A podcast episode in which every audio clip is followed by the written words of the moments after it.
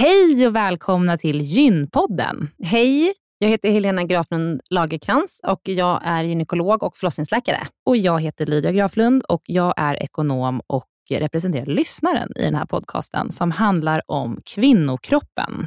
Det är vetenskaplig fakta om kvinnokroppen och det du hör i den här podden är det som man kan höra om man får träffa en läkare eller en barnmorska i ett eh, möte. Men ibland så bjuder vi in gäster som berättar om sina personliga erfarenheter och ibland är det också spekulation, men då är det verkligen tydligt att det är spekulation. Annars är grunden för den här podden vetenskaplig fakta om kvinnokroppen. Så är det. Hoppas att ni vill lyssna. Välkomna. Välkomna.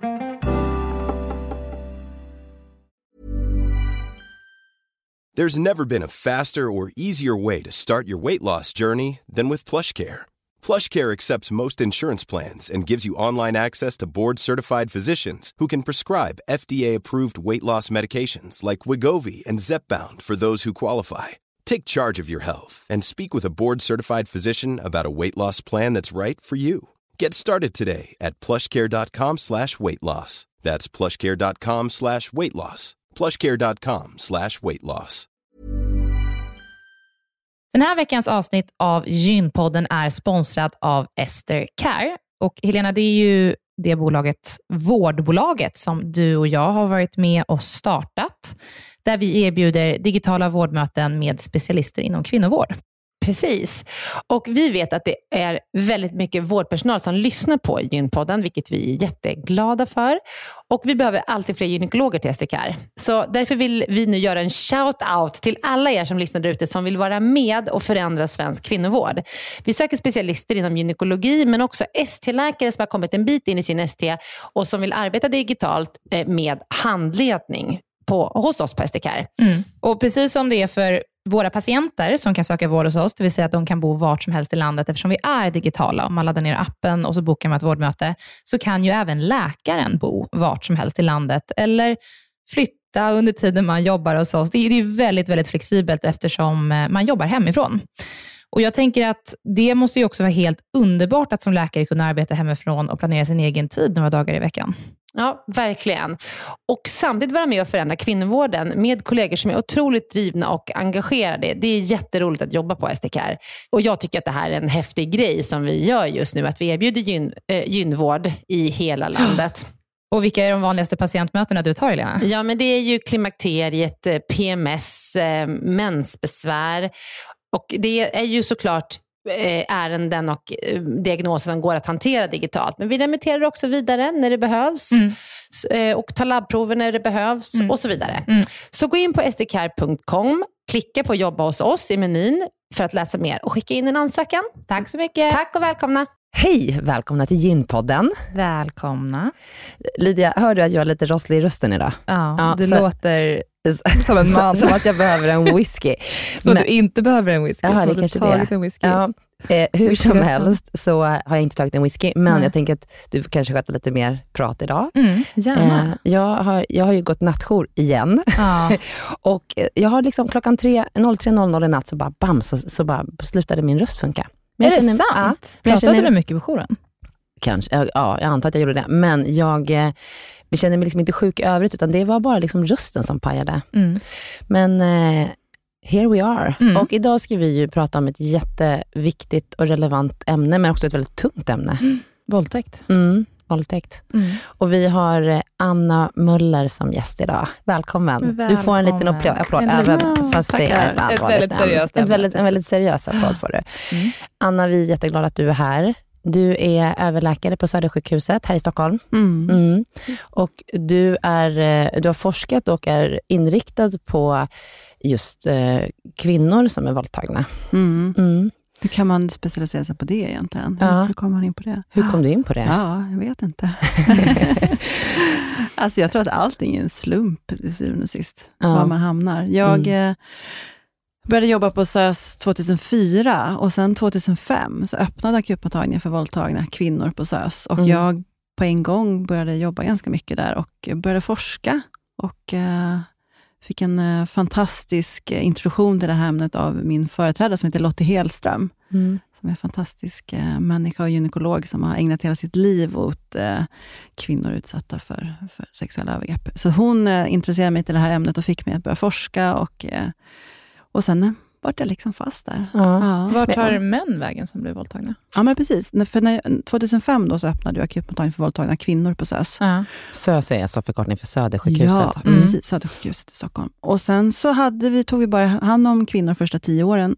Och sen så efter tio år så kom det ett politiskt beslut att det skulle öppnas en akutmottagning för våldtagna män i Stockholm också. Mm. Och då fick SÖS det uppdraget. Och då var det som lättast att egentligen bara öppna upp för alla. egentligen. Så mm. det var inte en egen mottagning, utan vi började ta hand om män också. Ja. Och då brukar vi säga att vi tar inte hand om män och kvinnor, utan alla, oavsett ja, men såklart. Men jag tänker att du är ju gynekolog. Ja. Tar man ändå hand om män? män då? Ja, det gör vi. Ja, så det är det. egentligen enda gånger vi gör det som ja. gynekologer. Sen kan vi ibland ha partners med mm. eh, i rummet, lite beroende på vad olika personer söker för gynekologiska åkommor, kanske infertilitet och så. Men mm. annars är det ju väldigt sällan som vi träffar män. Mm. Men här gör vi det. Mm. Så det är våra mm, gynekologer på Södersjukhuset som undersöker männen också. Mm. Och du har forskat inom det här ämnet. Vad har du forskat inom? Eller vad handlade, handlade din avhandling om till exempel? Ja, den handlar sammantaget kan man säga om konsekvenser av våldtäkt. Så den handlar om fysiska skador, efter våldtäkt. Och sen handlar det om de psykologiska konsekvenserna. Depression, det som heter PTSD, posttraumatiskt stresssyndrom. Mm. Eh, och sen var det lite mer på sådär, mm, receptornivå och eh, stresshormoner. Och så. Mm. Men allting handlar om konsekvenser av våldtäkt. Mm. Mm. Och sen har du forskat om reaktioner vid våldtäkt också? Precis, sen fortsatte jag forska sen efter att jag hade disputerat. Och då har jag forskat mycket, mycket psykologisk forskning. Eh, dels behandlingsforskning, hur kan man på bästa sätt behandla och förebygga psykisk ohälsa, men sen så också en studie som eh, handlar just om reaktioner under själva våldtäkten. Och det ska vi komma in på, för det mm. var ju ändå ganska nytt när det kom, var det inte det? När den ja, forskningen kom. Ja. Men, så det ska vi återkomma till, för det är superintressant. Mm. Men eh, nu börjar vi prata om dagens ämne lite mer på djupet. Mm, nu kör vi. Mm.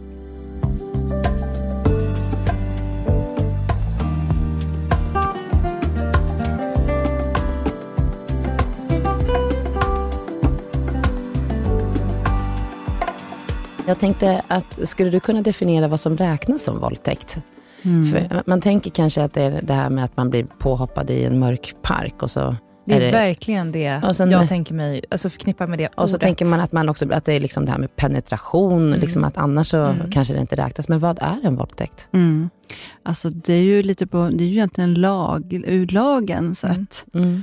så är ju eh, samlag mot ens vilja. Mm. Och då är det så här, ja, men vad är samlag då? Jo, men det är ju, brukar säga någon form av könskontakt. Så att antingen då vaginal penetration med med penis eller oralt övergrepp eller, eller analt. Mm. Det, det, är då, själva våldtäkten och då brukar man säga att nu har vi en samtyckeslagstiftning.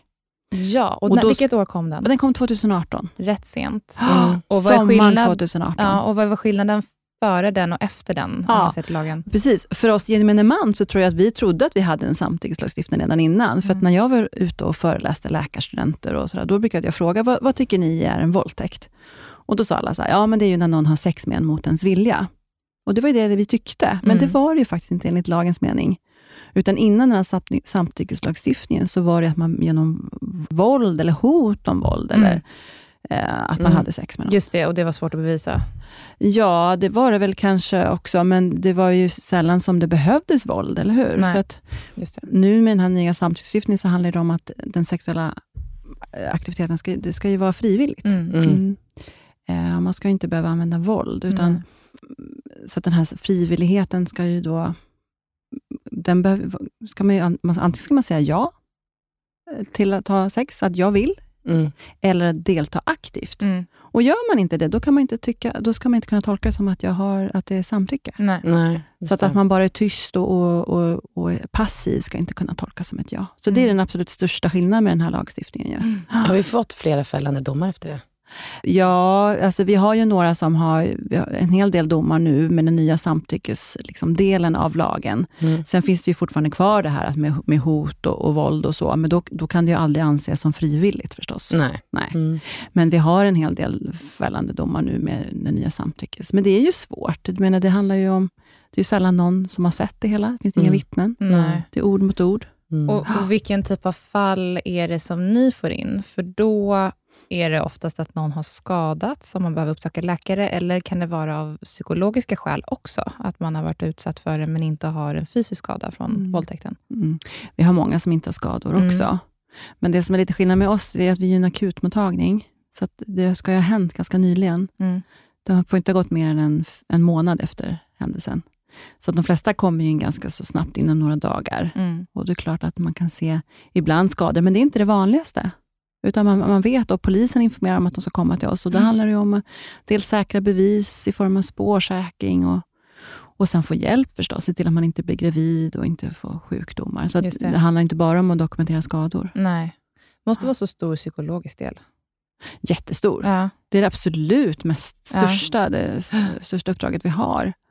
Har ni mycket psykologer som jobbar hos er? Eller hur ja, ja men det har vi ju. Vi, det är ju en del av, av det vi gör. Att dels är det här första omhändertagandet på akutbesöket, men sen är det alla samtal hos våra samtalsterapeuter mm. ja, som vi erbjuder. Så det är en stor del. Hur, vi kommer, jag tänker att vi kan komma in lite mer mm. på hur man jobbar mm. i, hos er. Mm. Men hur, um, vart sker den vanligaste våldtäkten? I hemmet. Mm. Mm. Mellan en partner och... Ja, ja, men det är inte de som kommer till oss. Nej. Nej. Det är inte de vanligaste patientgruppen som kommer till oss. Vilken är den vanligaste patientgruppen som kommer till er? Eh, vanligast hos oss är att man nyligen har träffat den som våldtar en. En dejt, fest på krogen. Någon som du ändå vet vad den heter, men du kanske inte jätte, känner jätteväl. Nej. Du ska inte definieras som en partner. Oftast i sociala sammanhang. Mm. Har, har det förvärrats, tycker du, sen alla datingappar kom? När, när det liksom, man träffar ju många fler mm. okända människor. Det är jättesvårt att säga. Det är svårt att veta hur många av de som söker till oss som har träffat personen i fråga via en datingapp. Ja. Det är faktiskt svårt att veta. Det är mm. ingenting vi riktigt frågar. Nej, men jag tänkte om ni hade sett, samtidigt mm. så är det mm. många andra faktorer som spelar in, mm. men jag mm. tänkte om ni har sett en ökning när man kan träffas på det sättet? Jag tror inte det. Det är bara ett annat sätt att träffas på. Mm. Som man, liksom, det, det, är så vi träffas nu för tiden. Förr så träffades vi mer kanske på krogen. Nu har vi oftast haft en initial kontakt kanske. Just det. Ja. Men, men våld, ah, förlåt Anna, du skulle säga Nej, men Du frågade vart våld, de allra flesta våldtäkter sker. Det, är, det är ju i hemmet. Det, om man ska titta på alla våldtäkter som sker i samhället, så är det ju absolut det vanligaste. Våld, mm. Precis som våld i nära relation, så också våldtäkt. Då. Mm. Men de söker ju sällan sjukvård och, och söker sällan, eller gör sällan de gör polisanmälan också. Mm. mm. Så det blir ju mer en uppskattning. Det är svårt att veta mm. hur vanligt det är. ju. Mm. De här syntes ju mer på kvinnojourerna nu i samband med pandemin också, men de kommer inte, de kommer inte till oss. Nej, det är klart att eh, jag kan tänka mig att om man som kvinna, då blir man utsatt för det här ganska ofta kanske då kanske man inte känner att det här är akut. Nej, det Och därför kommer man inte till akutmottagningen. Nej. Nej, det är nog så. Ja. Och Sen är det många, nu blir det väldigt allvarligt här, mm. men många som kanske framförallt ser sig som att de blir slagna och misshandlade mm. av sin mm. partner.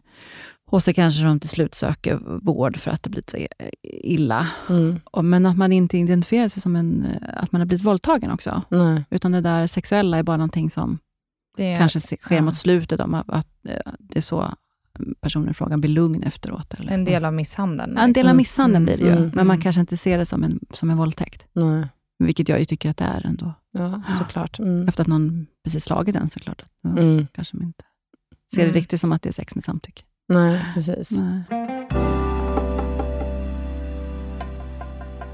Hur ser de olika reaktionerna ut vid en våldtäkt? Mm. Alltså under själva våldtäkten, menar du? Ja. Mm. Alltså jag skulle säga att de allra flesta, och det gäller både män och kvinnor faktiskt, blir ganska så passiva. Mm. Mm. Att man eh, inte alls reagerar som man trodde kanske att man skulle reagera. Och det här har varit en stor debatt, eller Det här hur? har varit en jättestor debatt. Ah, varför då?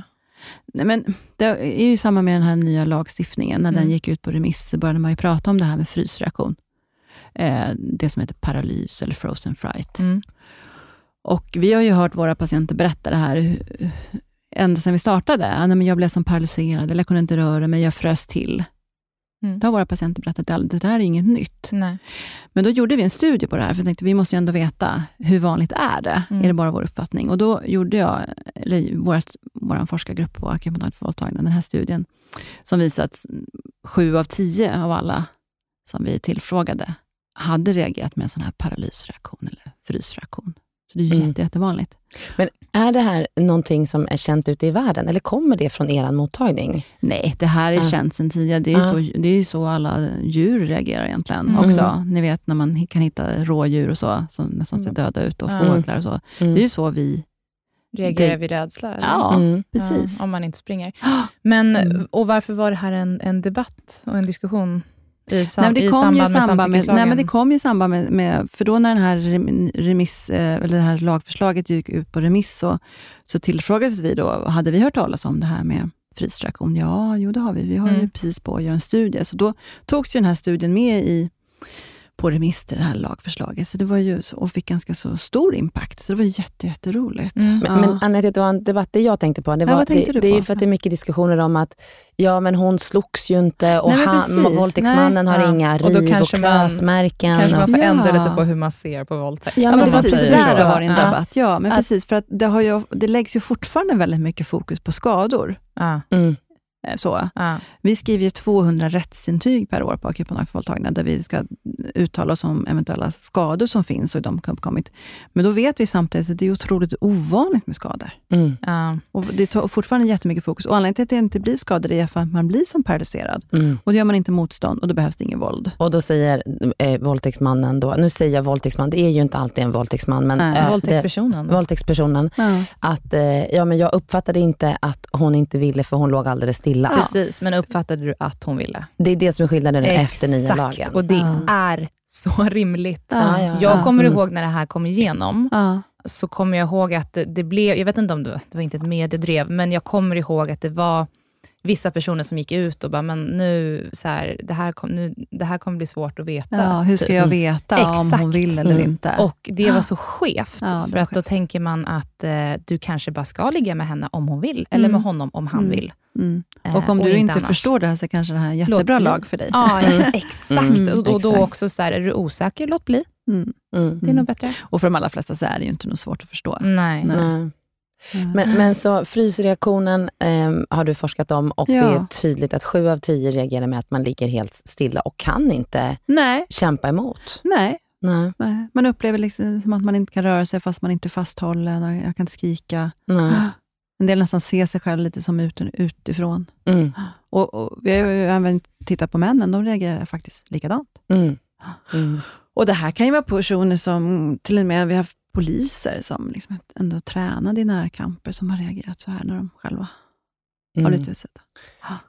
Det är alltså en instinkt att ligga så stilla som möjligt, kanske för att få så lite skador som möjligt. Ja, det är ju en biologisk inte- en mekanism för att klara sig. Ja. Jag tänkte precis fråga det. Ja. Vad Mm. tror ni är anledningen till det? Vad är det? För att det måste ju vara någonting fysiologiskt då, Mm. som eh, gör... För att det, det rimliga, eller det man tänker, är ju att man skulle försöka göra Mm. eh, motstånd då, tänker Mm. man om Mm. någon skadar en. Mm. Men, Men om vi tänker oss den gamla biologiska mekanismen, att om jag har ett rovdjur som är på väg att skada mig, ja, så kommer, om jag redan är död, så kommer rovdjuret inte vara så intresserad av mig. Mm. Så därför Ah, har vi den här okej. spela död-reaktionen. Fast, Ja. det, fast det är- det är lite fel att säga spela död, för man gör ju inte medvetet. Det blir Nej. så. Mm. Men i en våldtäktssituation så blir det tyvärr lite kontraproduktivt, för det blir nästan lättare att våldta Mm. någon som ligger Mm. still. ja. Mm. Ja. Va- Vart i hjärnan aktiveras det? Vet du det?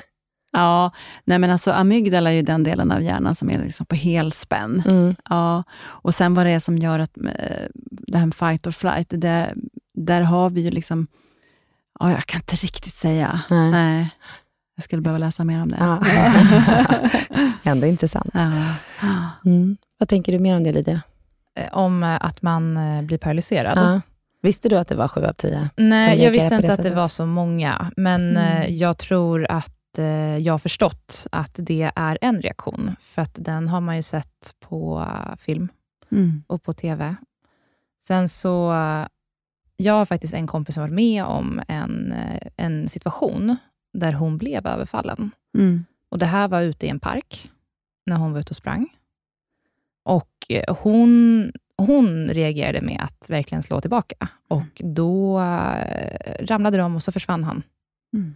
Eh, sen har de fått tag på den mannen och då har det varit en serievåldtäktsman. Nej men gud. Jo. Mm. Så att eh, där hjälpte ju det såklart. Mm. Mm. Att det blev eh, stökigt. Liksom. Mm. Och sen, så kan det vara, sen har vi också sett att och studier visar att om man fortfarande står upp när man blir anfallen, så har man lättare att mobilisera kraft. Att man, det är mindre risk att man hamnar i den här paralysen eller frys. Så att Ja. om du fortfarande står upp, att det är lätt som, Mm. medan om du ligger ner redan, att det är då lättare att hamna i den här Mm. frysreaktionen.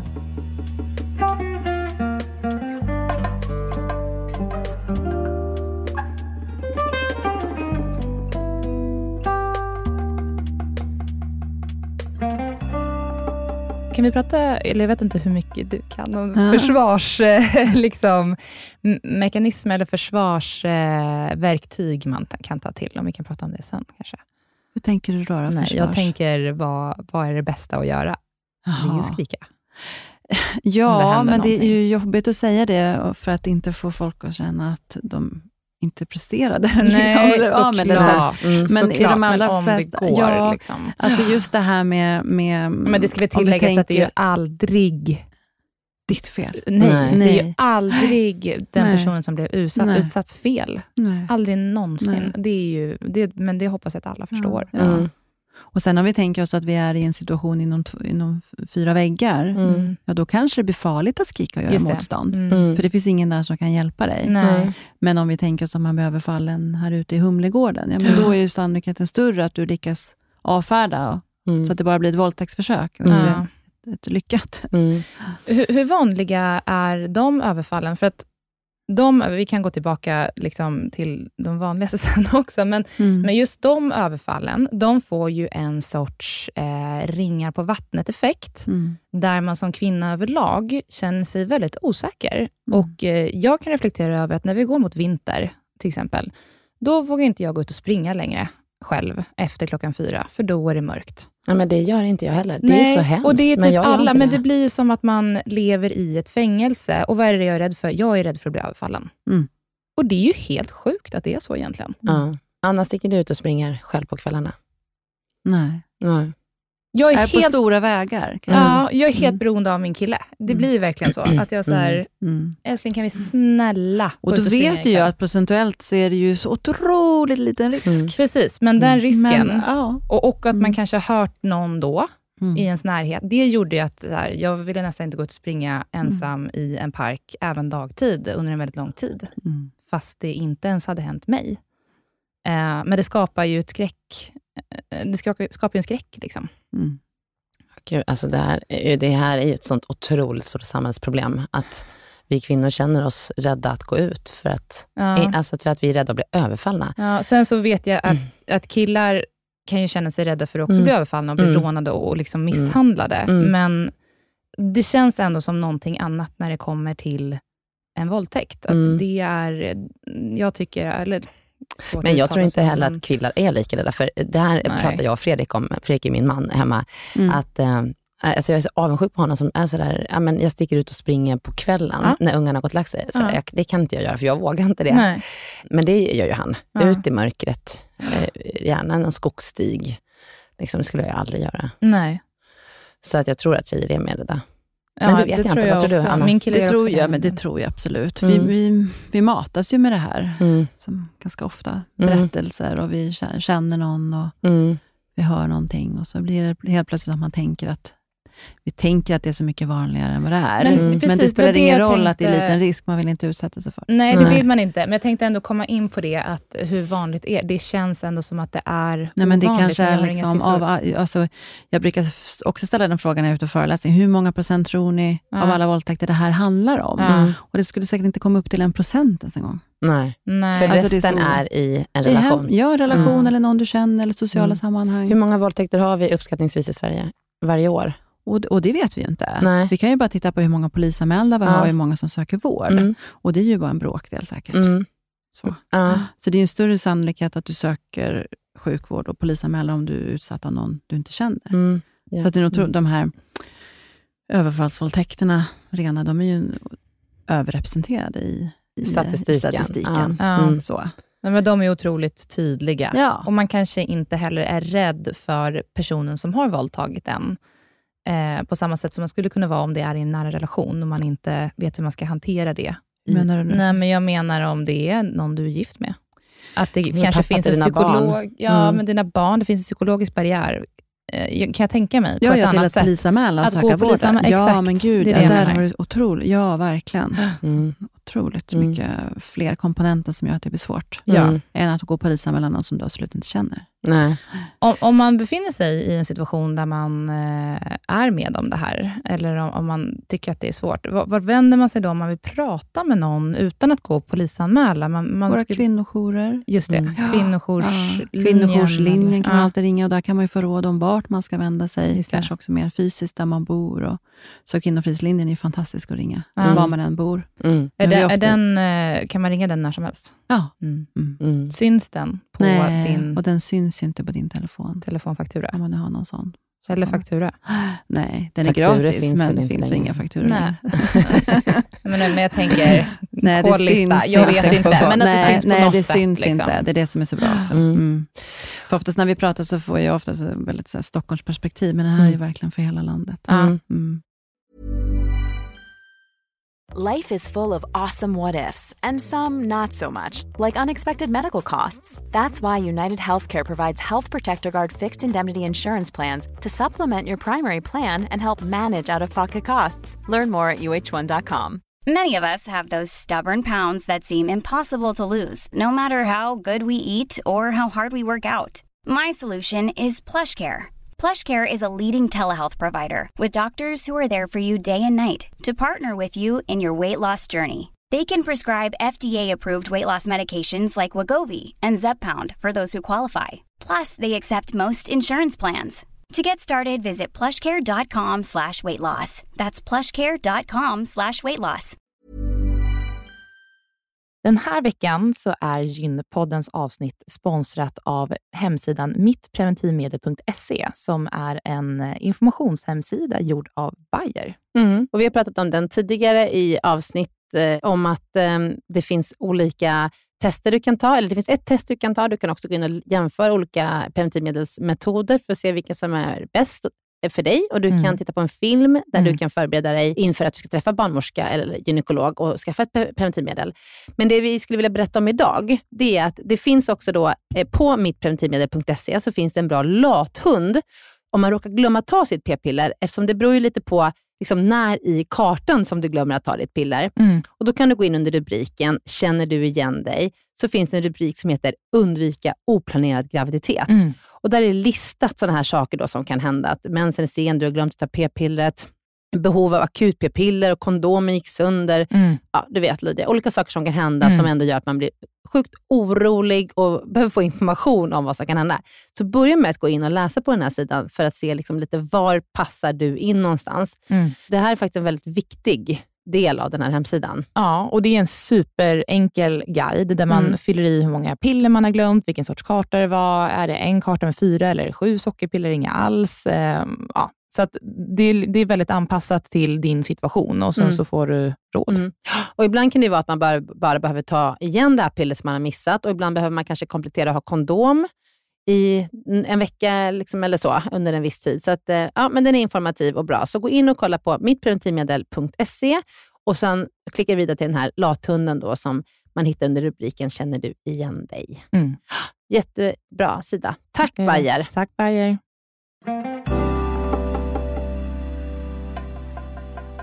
Om man har varit med om en våldtäkt och kommer till akutmottagningen för våldtagna, vad händer där? Mm. Vad händer? Spårsäkring berättar du, vad händer sen? Ja, nej men du, vad som händer på akutbesöket, det är ju utifrån vad patienten har behov av. Kommer man Mm. direkt från händelsen så är det såklart att det är spårsäkring och dokumentera skador. Och, och vi brukar kalla det för stabilisera, att man liksom ser till att patient, eller personen blir lugn och känner sig trygg och ringer anhöriga, du vet, varm filt och nej men du vet, Mm. omhändertagande där Mm. akut. Och sen så eh, tar man en mängd prover. Mm. Men, det, men det viktigaste vi gör där och då är egentligen att kunna erbjuda en trygg plats. Och Mm. sen det här spårsäkring dokumentationen, det ska bara vara rutin egentligen. Mm. Och Det är därför det är så himla bra med sån här centraliserad vård, Mm. där man är duktig på det man gör, Mm. så det blir inte så svårt. Så här i Stockholm har vi en sån akutmottagning. Hur ser det mm. ut i resten av landet? Ja, men precis. Det är ju egentligen den enda mottagningen i landet som har det här helhetstänket med både akutbesöket och återbesöken i samma lokaler och liksom helt teamarbetet. Men, men det kan ju funka jättebra på andra ställen i landet också. Men då är man, om man behöver akut hjälp och träffa en gynekolog, då är det upp till gynakuten mm. på det sjukhuset som är närmast där man bor. Mm. Mm. Och vad händer sen? I uppföljande möten? Är det framförallt med kurator och eh, psykolog? Ja, precis. Mm. Hos oss då, efter akutbesöket, så när man går från akutbesök, så har man redan en tid i handen till första samtalet till någon av våra samtalsterapeuter. Mm. Och sen till ett läkaråterbesök som man har om två veckor. Där man kollar att man inte blir smittad av några könssjukdomar och tar gravtest och så. Mm. Mm. Och så är det ju samma rutin egentligen vart som helst i landet. Det är ju samma riktlinjer, samma nationella riktlinjer. Så då kommer man till en kurator eller samtalsbehandlare på kanske då gynmottagningen på det sjukhuset. Mm. Hur ser reaktionerna ut efter en våldtäkt? Jag tänker lite mer långsiktigt. Mm. Vad får man för skador? Fysiska? Ja. Ja, alltså de vanligaste fysiska skadorna det är ju blåa märken på armar och ben. Ja. Så, lite greppmärken när man slagit i. Sen är det ju inte alltid man kanske kan säga att det kommer direkt från våldtäkten. Ibland så kanske det har varit lite alkohol och man kanske har slagit i någonting. Så det är inte alltid man riktigt kan säga att de här skadorna som ses vid undersökning kommer precis från själva våldtäkten.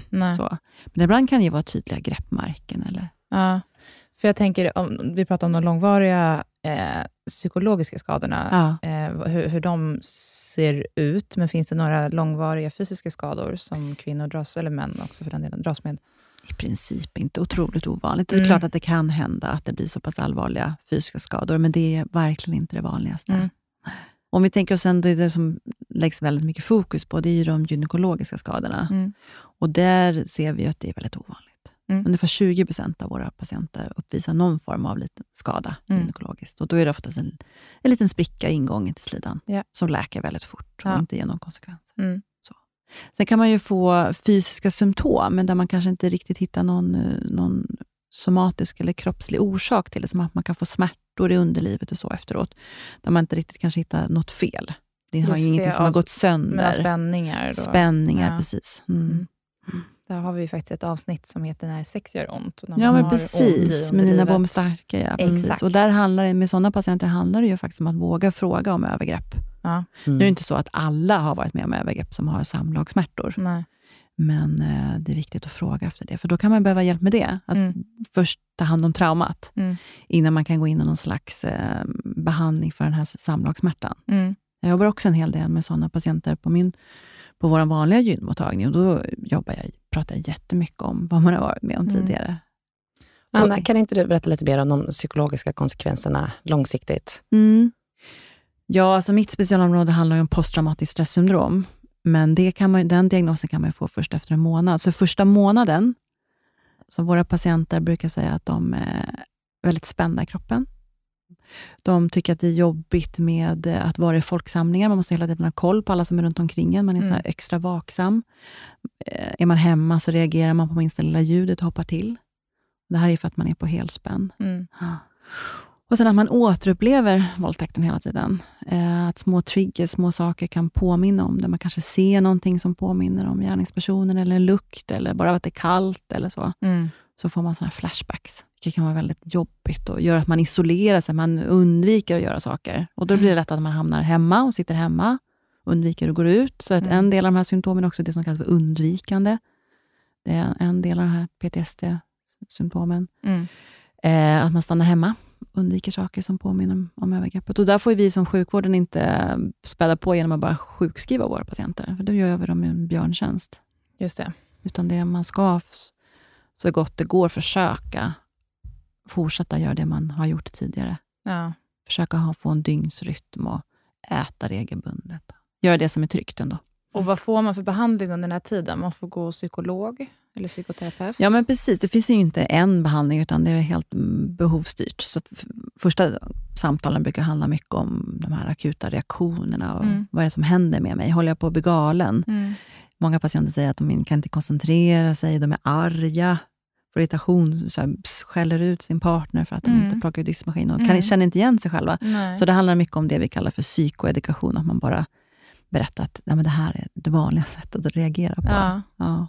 Ja, gör man det för att, man, eh, för att någon har förgripit sig på en? Alltså att, att du får en motreaktion över att någon har...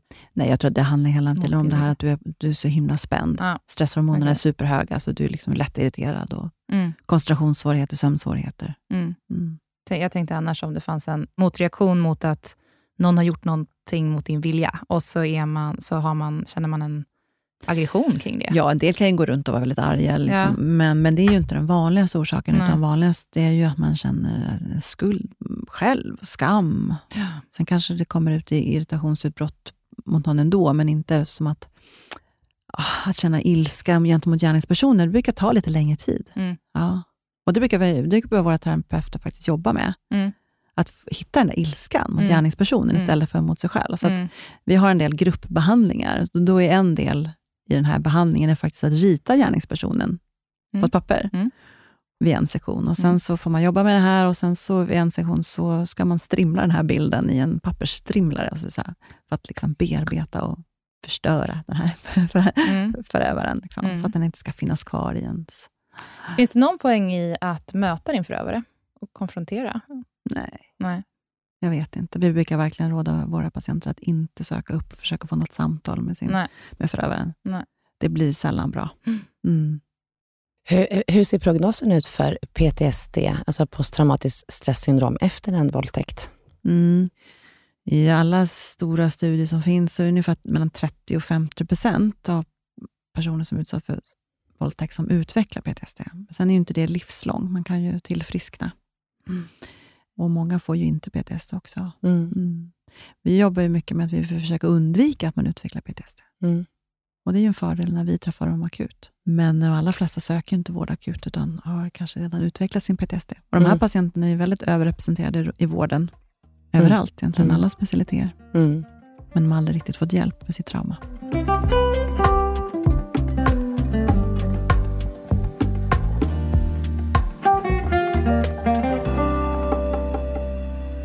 Anna, hur ser risken för återupprepning, att bli utsatt för en ny våldtäkt, eh, ut, om man har varit utsatt för en våldtäkt? Mm. Alltså den är ganska stor ändå om man tittar på en population. Det är inte så att man måste bli våldtagen igen för att man är det, men om man tittar på en stor mängd människor, så att är det faktiskt så att har du blivit våldtagen, så har du en större risk att bli det igen. Och Då är det viktigt att prata om det utan att göra någon slags skuldbeläggning. Men det här handlar ju om, oftast om en skörhet. Att, eh, personer som kanske har en skörhet sedan tidigare, kanske en psykisk sjukdom eller missbruk, eller mår så pass dåligt så att man självskadar sig. Mm. Och en del självskadar sig genom att utsätta sig för farliga situationer. Mm. Mm. Och att man då löper större risk förstås att utsättas igen. Mm. Så det finns många faktorer till att man utsätts många gånger. Och vi har ju varit öppna nu sedan 2005 och många av våra patienter har varit hos oss flera gånger, ser Mm. man nu när man öppnar upp journalen. Mm. Så att det är ju en upprepningsrisk. Mm. Gud vad komplext det här är. Mm. Eh, Det är liksom hjärnan och hur man Mm. reagerar och känslor. Jag Mm. lyssnade på ett sommarprat i somras eh, om en tjej som pratade om att hon blev prostituerad, eh, eller att hon prostituerade sig själv och att det här kommer ju från att någon annan tvingade in henne i det till en början, men sen Mm. gjorde hon det själv som ett självskadebeteende. Mm. Mm. Otroligt komplext. Ja, Mm. Mm. väldigt. Mm. Mm. Ja, precis. Och som sjukvårdspersonal och, och, och, och se det här lidandet och, och inte riktigt kunna göra någonting. Sen finns det faktiskt speciella mottagningar nu som jobbar med det här eh, sex och självskada. Och så. Mm. Mm. så att vi, kunskapen ökar Mm. hela tiden. Mm. Ja. Tycker du att ehm, vården kan hjälpa de här kvinnorna? Ja, det tycker jag att den kan, men det, men eh, det är ju ett litet glapp det här med de som söker akut och får hjälp tidigt, kontra de, kontra de som eh, inte söker hjälp från början, utan när det har gått ganska långt och blivit komplext. Mm. Där hamnar tyvärr de här patienterna lite mellan stolarna. Man kanske inte kvalar in för psykiatrin, om, inte vård, om man är för, mår för dåligt för att gå på vårdcentral, Mm. långa väntetider, man får bara ett visst antal samtal, så det är svårt. Mm.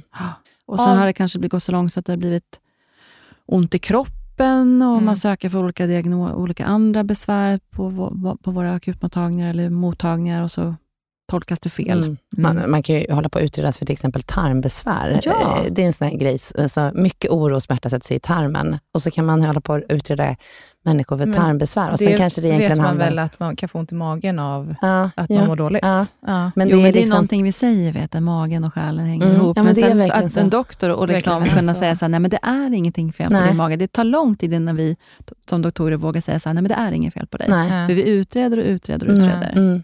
Hur många av alla fall ni får in eh, leder till det här och hur många blir helt bra? Leder till vad? Men leder till att det fortsätter och att, det är liksom att, att, att man mår dåligt över lång tid och att det är behandlingar som pågår Mm. länge. Jag har inte riktigt någon direkt Jag siffra. ville ha en, jag ville ha en, en Ja, uppmuntrande siffra ja, om att de flesta mår Ja. bra efter ett tag. Ja. Ja. Alltså jag kan säga så här, att de, de som, eh, som har mått bra innan, Mm.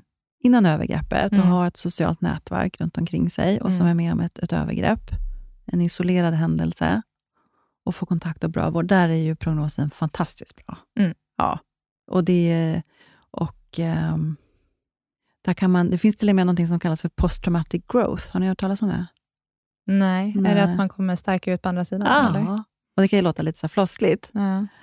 Men... eh, Det men, kan man i och för sig ofta läsa om människor som har varit väldigt sjuka och sen Ja. så blir man tillfrisknade och så Ja, precis. blir man... Då kan man tycka, så här, men hur kan en våldtäkt leda till någonting gott? Mm. kan man tycka. Men det finns faktiskt vissa aspekter där det kan bli bra, att vissa Mm. aspekter kan bli bättre. Mm. Till exempel finns det en del som skattar sin sexuella hälsa bättre sex månader efteråt, för att man kanske har gjort sig av med en dum partner, eller man har kommit närmare sin braiga partner, att det inte var Mm. den som var över, våldtäktsmannen förstås. Nej. Att man har pratat om sexualitet i samtal och så. Mm. Så att där kan man en del faktiskt uppleva att de har det bättre Mm. när det gått en tid. Mm. Svårt att säga där liksom, Mm. direkt när det händer. Eh, Så att allting inte bara mörkt. Nej. Nej. Men det Mm. kanske gäller att ha ett bra socialt nätverk runt omkring. Och Ja. Det för Mm. mig in på de som är runt omkring någon som blir utsatt för det här. Mm. Hur ska de reagera? Vad ska man göra Ja, hur ska man vara? för att hjälpa till på bästa sätt? Ja, man ska finnas där.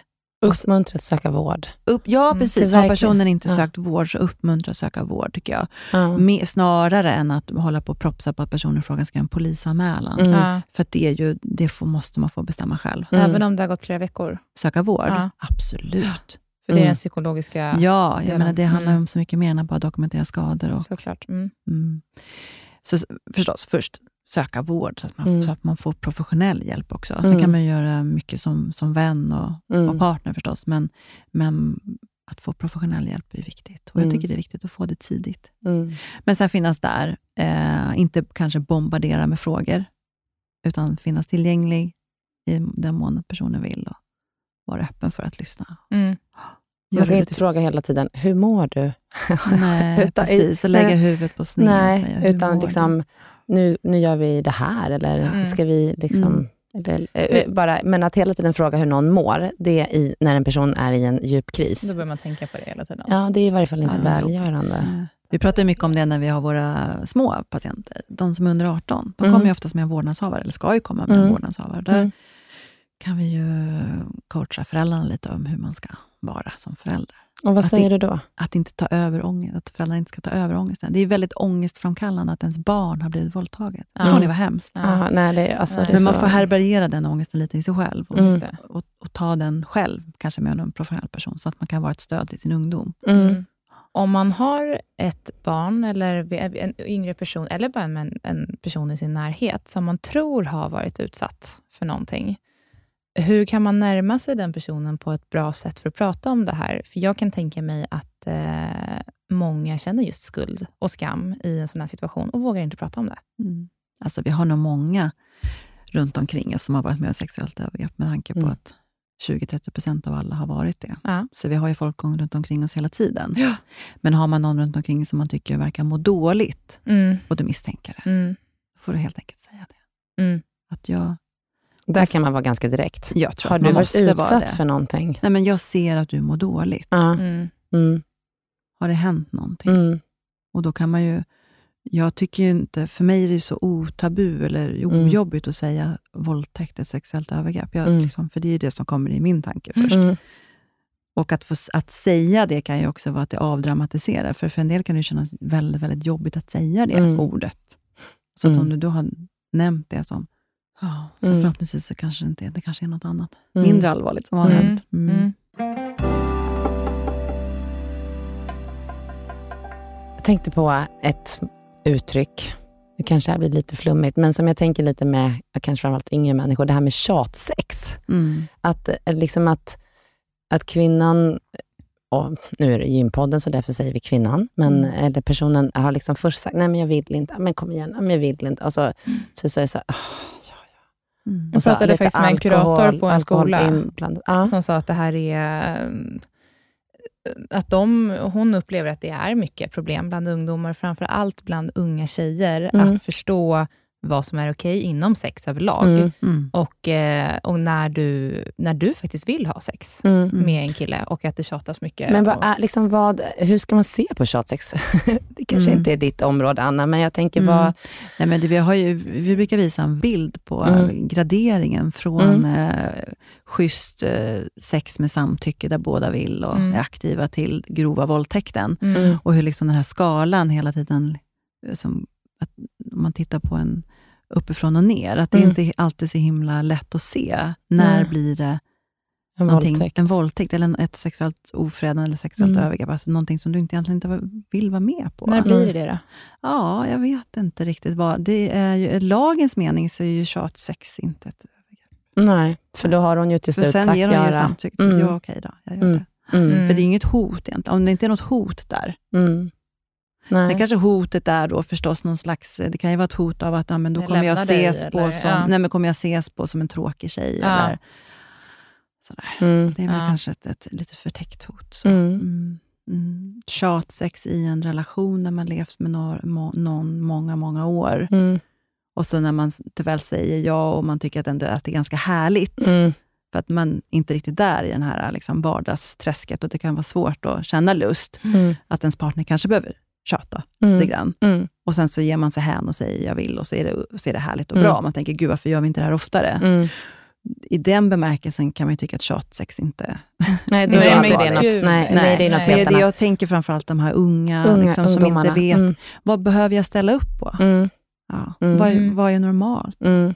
Jag tror att, Lydia, vi måste göra ett helt poddavsnitt om unga, unga tjejers syn på sex och eh, gränser och Mm. hur det har förändrats kanske lite över tid och hur, Ja. hur, in, in, vad heter det? Det, det finns en tjej som... hur som påverkad man blir av eh, sociala medier bland Mm. annat. Ja, och det Mm. finns en tjej som, som driver ett Instagramkonto som heter Mm. Sexsnacket, Mm. eh, där de adresserar Mm. just det här. Mm. Det kan man ju kolla in om man vill. Ja, Mm. gör det. Mm. Anna, ja, Mm. har vi täckt alla stora frågor? Jag vet In- inte, jag kan prata mycket som helst. är det någonting Ja. mera som du ändå tänker att du vill få fram och få ut till våra lyssnare? Ja, vad ska jag säga? Det finns så mycket att säga. Du är inte ensam. Nej. Gå inte med det här själv Mm. och tänk att det är bara du. Utan, eh, Och även om du först var, på, var med på bollen och liksom kanske till och med bjöd hem den här mannen Mm. och sen inte vill, då är det fortfarande en våldtäkt. det är fortfarande våldtäkt. Även fast du bjöd hem på te från början. Ja, Det är ju verkligen jätteviktigt att Mm. veta det. verkligen. Ett nej är ett nej. Ja. Mm. Ja, jag Mm. hittade en eh, jättebra lista Mm. som jag tänkte ta fram. Mm. Så kan man läsa. Det Mm. står just väldigt tydligt. Ingen får göra något sexuellt med dig om du inte vill. Det spelar ingen roll om du känner personen eller inte. Det spelar ingen roll om du är kär i personen. Det spelar ingen roll om du är tillsammans med personen. Det spelar ingen roll hur du ser ut eller hur du klär dig. Det är ju också jätteviktigt. Det Mm. spelar ingen roll om du inte säger nej. Ingen ska ha sex med dig om du inte säger eller visar att du vill. Och det spelar ingen roll om du först hade sagt ja och sen ändrar dig och Mm. inte vill. Mm. Var kommer den här listan ifrån? Umo. Umeå. Ja, men Umeå är bra. Mm. Umeå är underbara. Mm. Mm. Ungdomsmottagningen. Mm. Ja, nej, men det, det var bra. Vi avslutar med de orden tycker jag. Det gör vi. Ja, Mm. Tusen tack Anna Möller Jättestort från tack. Södersjukhuset för att du har varit här hos oss idag och poddat om ett jätteviktigt ämne. Tack för att du fick komma. Tack.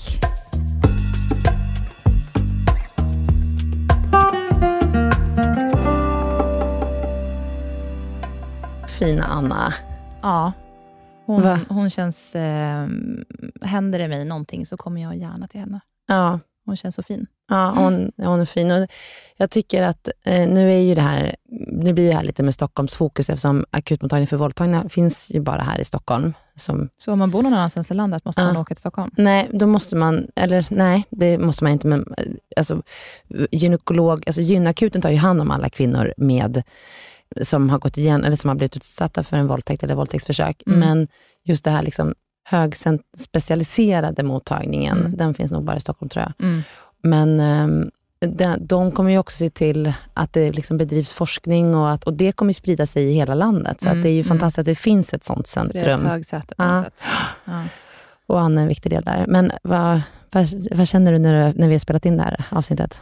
Jag kände innan att det här känns eh, väldigt svårt Mm. att prata om, för att man vill prata om det med eh, väldigt mycket respekt och Mm. vara ehm, ja, men väldigt taktfull kring hur man går in på olika, olika delar av Mm. det här området. Ehm, men jag tyckte att eh, det, var lätt, det är lätt att prata med Anna. Mm. Eh, och ehm, ja, det är ju tur att de finns och Mm. hjälper Mm. kvinnor. Jag tänker att, och män för den delen nu, men nu är det ju här i Gynpodden, men jag tänker att i eh, andra länder så finns nog inte det här på samma sätt. Nej, kanske inte. Jag vet faktiskt inte riktigt hur det ser ut i andra länder.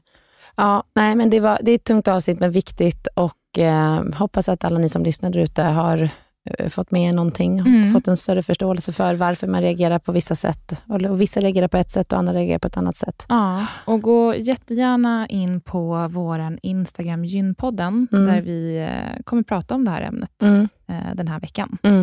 Och eh, lägga upp eh, bra information. Mm. Så gå gärna in där och skriv till oss om ni vill. Om Mm. ni vill prata om någonting särskilt, Mm.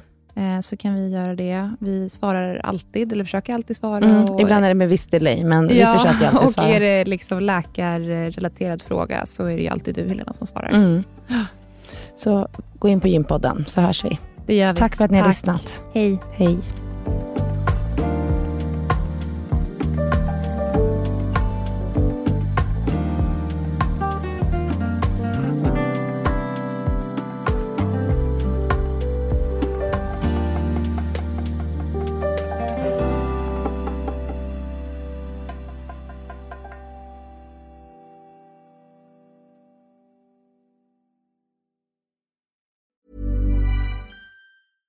Ever catch yourself eating the same flavorless dinner three days in a row? Dreaming of something better? Well, HelloFresh is your guilt-free dream come true, baby. It's me, Kiki Palmer. Let's wake up those taste buds with hot, juicy pecan-crusted chicken or garlic butter shrimp scampi. Mm. Hello Fresh. Stop dreaming of all the delicious possibilities and dig in at HelloFresh.com. Let's get this dinner party started.